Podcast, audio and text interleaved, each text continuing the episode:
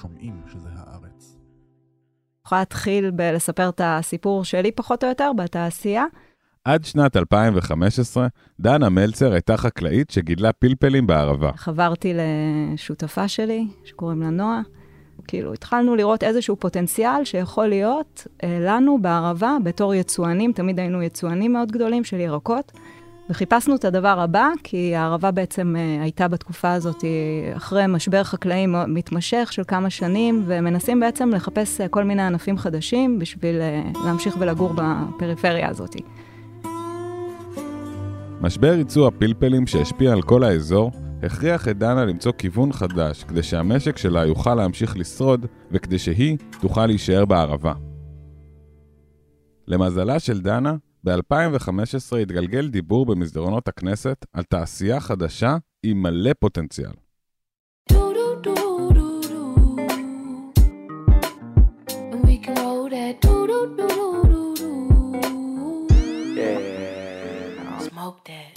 באותן שנים, ישראל הייתה בין המדינות היחידות בעולם שהסדירו את שוק הקנאביס הרפואי. מספר בעלי רישיון השימוש הרפואי עלה במהירות, והשוק עמד להיפתח לחברות גידול חדשות. המחקר הישראלי נחשב באותה תקופה למתקדם ביותר בעולם, והדיבור היה שממש בקרוב תתפתח פה תעשייה משגשגת. לפי הערכות של משרדי האוצר והכלכלה, התעשייה החדשה הייתה צפויה לגלגל 4 מיליארד שקל בכל שנה ולהכניס מיליארד מתוכם לקופת המדינה. העתיד נראה מבטיח.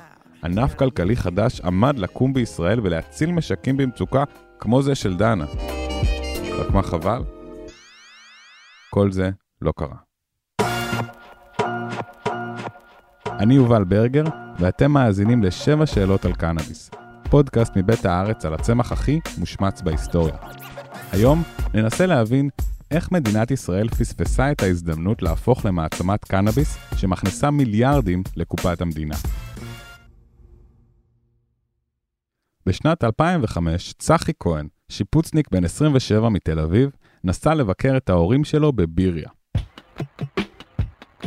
צחי ישב עם אמא שלו על המרפסת ואמר לה, אמא, השגתי רישיון לגידול קנאביס.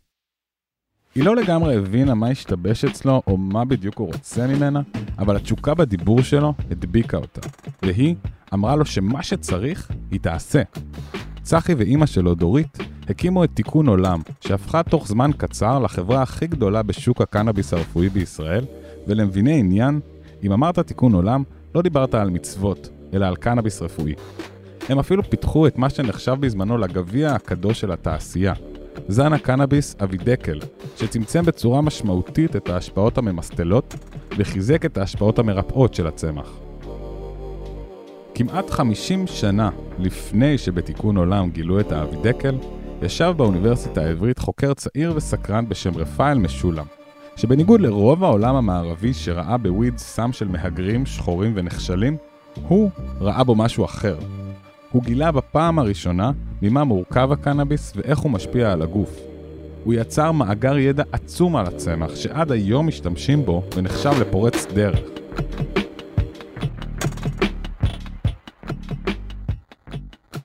בתחילת הדרך, תיקון עולם פעלה כעמותה שגידלה בהתנדבות קנאביס בשביל מטופלים שלא יכלו לגדל בעצמם, והכל באישור המדינה, שעוד לא החליטה מה צריך לעשות עם היצור החדש הזה שנקרא קנאביס רפואי.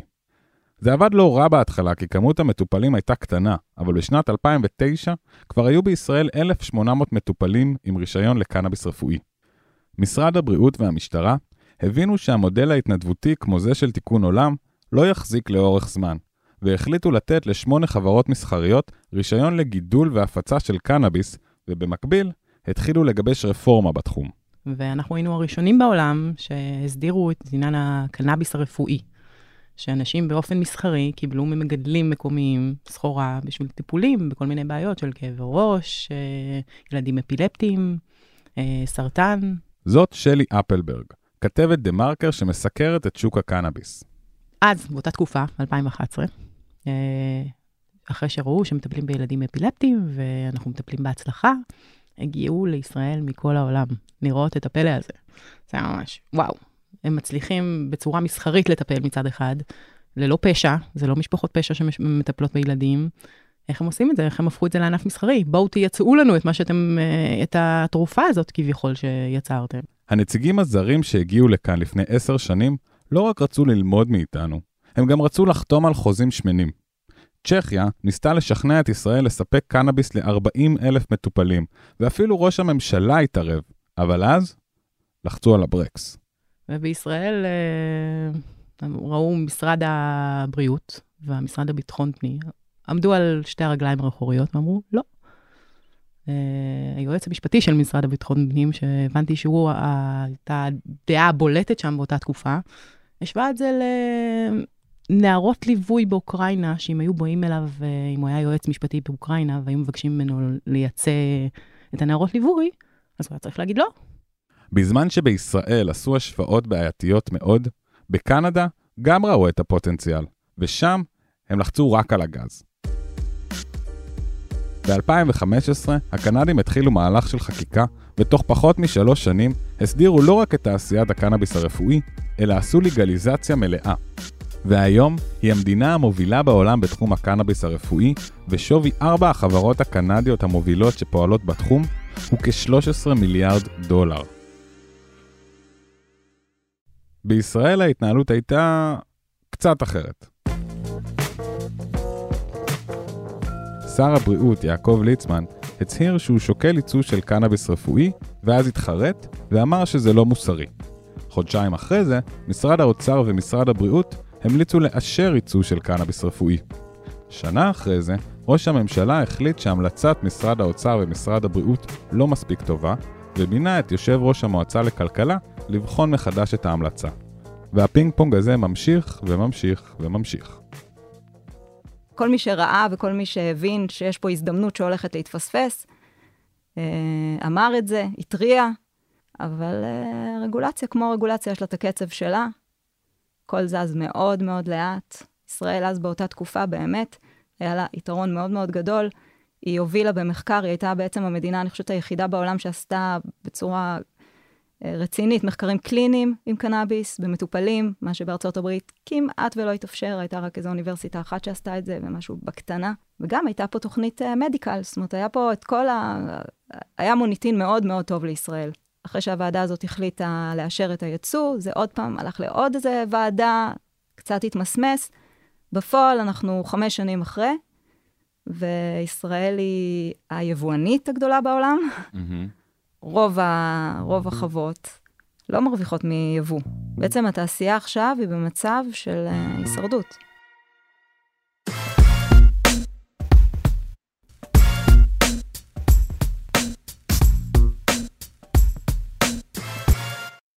בעלי רישיון? בית המרקחת גרין פארמה מציע מבחר מוצרים לפי תקן משרד הבריאות, ייעוץ והדרכה ושירות משלוחים מהיר ודיסקרטי עד הבית. גרין פארמה נותנים מענה לצרכים הייחודיים של המטופלים. הבהרה, קנאביס הינו סם מסוכן, אינו רשום כתרופה, ויעילותו ובטיחותו בשימוש רפואי טרם הוכחו. אין בתשדיר זה כל המלצה או עידוד להשתמש בקנאביס, והוא אינו מהווה חוות דעת רפואית. השימוש בקנאביס רפואי הינו אך ורק בכפוף להמלצת רופא מומחה ומתן רישיון מתאים ממשרד הבריאות, על פי חוק, ולאחר קבלת הדרכה ראשונית בהתאם.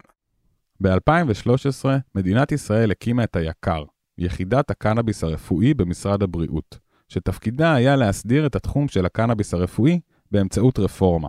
בבסיס יש פה מערכת יחסים מאוד מורכבת של מערכת הבריאות עם קנאביס. משה בר סימנטוב, או ברסי, כמו שלמדנו להכיר בקורונה, היה מנכ"ל משרד הבריאות בזמן הכנת הרפורמה ויישומה. הסיבות הן כמה. הראשונה והבסיסית ביותר היא שאנחנו כמערכת בריאות, שוב, לא, זה לא אישי וזה גם לא רק uh, מקומי, מאמינים שרפואה צריך לתת על בסיס של evidence-based medicine. דבר ראשון, לראות שהיא לא גורמת נזק, דבר שני, לראות שהיא מועילה, ולראות את הדברים האלה בצורה של ניסוי מבוקר. לא מספיק לנו שכמה אנשים או הרבה מאוד אנשים באים ואומרים, אבל זה נורא נורא עזר לי. הדבר השני זה, אנחנו פחות אוהבים צמחים. למה לא אוהבים צמחים? כי בצמחים אכן יש הרבה מאוד uh, טווח רחב של מולקולות. הדבר השני זה שיש טווח רחב מאוד של שונות. תחשוב שמאותו עץ תפוחים יכול לצאת לך תפוח מאוד מתוק ותפוח חמוץ. כך אותו דבר, בטח שאנחנו מדברים על בין חוות שונות של אה, קנאביס, אנשים אומרים, אה, זה הקנאביס שעובד. אבל אם אני אקח את, אותה, את אותו באץ', אני אראה שבתוך אותו הבאץ' יש שונות גדולה בחומרים הפעילים.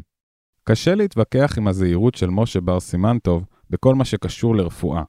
אבל כשזה מגיע לקנאביס, הרגולציה של משרד הבריאות חורגת מגבולות הרפואה, ולפעמים אפילו פוגעת בתרופה עצמה.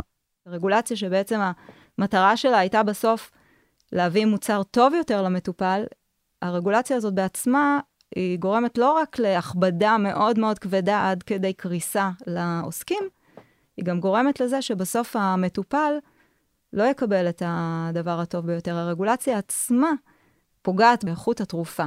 אתן דוגמה, למשל. אם אני בתור חווה מגדלת את, ה, את התרופה, את הצמח, ואורזת אותו באריזה, מותר לי לארוז אותו באריזה של חצי קילו או קילו, ואת האריזה הזאת אני צריכה להעביר למפעל. מה עושים במפעל? פותחים את האריזה ולוקחים ושמים בעטיפות של עשרה גרם. עכשיו, מה הדבר הזה גורם? דבר ראשון, הוא גורם לעוד חוליה בשרשרת, שעושה את מה שאני יכולתי לעשות, תחת סטנדרטים. אתם רוצים שאני אעשה את זה בחדר נקי? אני אעשה את זה בחדר נקי, אין שום בעיה. תגדירו מה אתם רוצים. אז קודם כל, יש פה ייקור של המוצר, כי יש פה עוד חוליה, שהיא לאו דווקא במקרה הזה הכרחית. דבר השני, זה כל פתיחה בעצם. זה מדובר בסוף בצמח עם חומרים נדיפים. אמ, אתה, ברגע שאתה פותח את השקית, גם יכול להיגרם זיהום צולב. אתה פותח, יכול להיכנס זיהום. אתה פותח, חומרים uh, נדיפים uh, גם uh, נעלמים, אתה שולח את זה למפעל, אחרי שאתה לקחת בדיקות מעבדה והוצאת אותו בצורה ראויה לפי התקנים, ואז זה מבלה עוד חודש במפעל, ולוקחים עוד פעם בדיקות, ואז...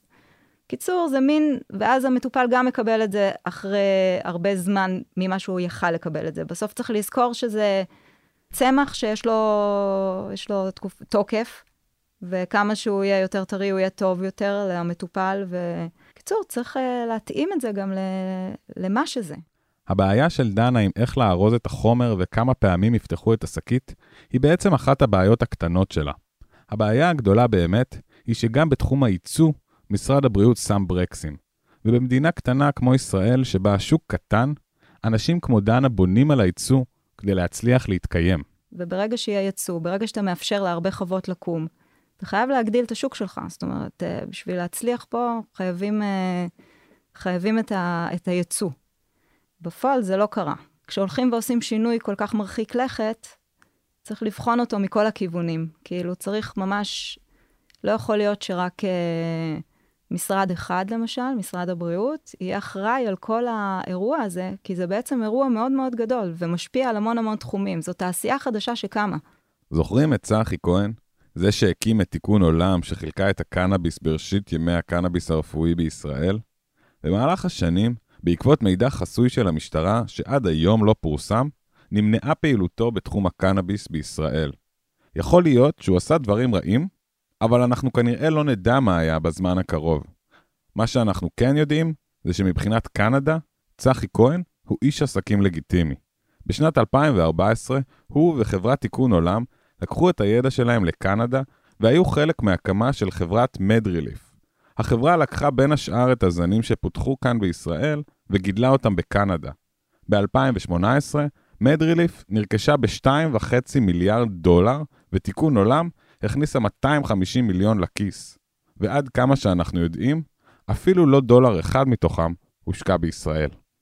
אבל ככל שהזמן עובר, ועדיין מעכבים פה את הרפורמה, ומעכבים פה את החברות עם כל מיני רגולציות מטופשות, אז אנחנו נדחקים אחורה, ועוד קורונה אחורה ועוד. והרכבת כבר יצאה מקנדה, היא לא חיכתה לישראל שתעשה פה הסדרה ורגולציה.